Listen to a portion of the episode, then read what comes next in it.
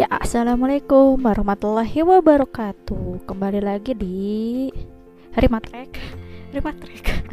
Kembali lagi di podcast Rina Mariam. Kali ini kita masuk ke bab 5 dari buku bukunya Agim judulnya adalah 5 kiat mengatasi persoalan hidup. Di bab 5 ini judulnya adalah jadikan Allah sebagai satu-satunya penolong. Di sini ada tiga poin ya.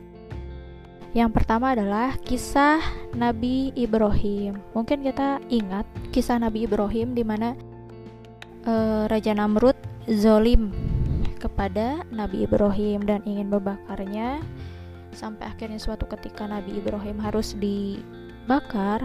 Namun Nabi Ibrahim yakin dan mengatakan hasbunallah wa ni'mal wakil ni'mal maula wa ni'man nasir. Cukuplah Allah sebagai penolong kami dan Allah adalah sebaik-baik tempat bersandar. Itu dalam firman Allah juga ya. Wahai api, menjadi dinginlah dan menjadi keselamatanlah bagi Ibrahim. Al-Anbiya ayat 69. Akhirnya Nabi Ibrahim pun selamat uh, waktu itu ketika Nabi Ibrahim mendakwahinya dengan cara logika mana ada gitu ya orang harus menyembah patung sampai akhirnya dengan kisahnya dihancurkanlah para patung-patung itu dan diberi kampaklah kepada patung yang besar ya kayak gitu jadi inti dari poin pertama adalah menjadikan Allah satu-satunya harapan. Cukuplah Allah sebagai penolong dan pelindung kita. Dan poin kedua pada bab ini adalah Hai masalah, aku punya Allah.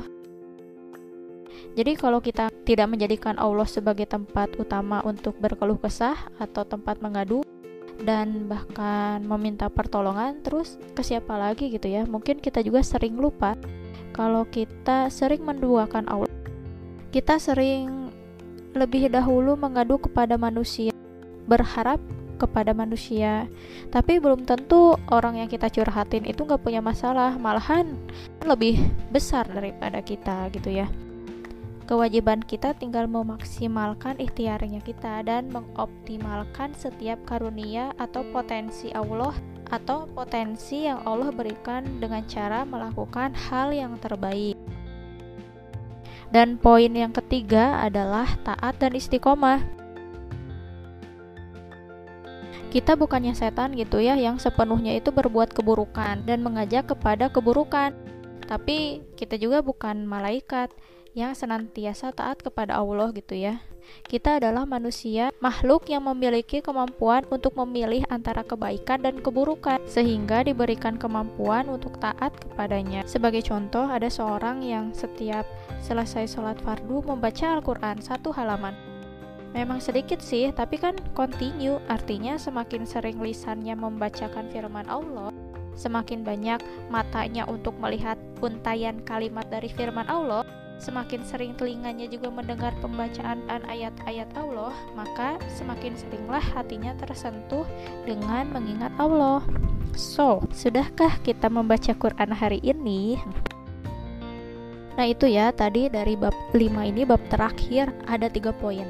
Yang pertama adalah kisah Nabi Ibrahim. Boleh teman-teman ingat ya. Yang kedua adalah Hai masalah, aku punya Allah. Dan yang ketiga adalah taat dan istiqomah. Semoga kita istiqomah ya. Nah, berhubung buku ini udah habis, mungkin Rima bakalan cari buku yang lain ya atau buku yang sebelumnya yang belum selesai dibaca tentang komunikasi. Atau mungkin teman-teman punya saran, boleh ya komentar. Terima kasih sudah mendengarkan. Assalamualaikum.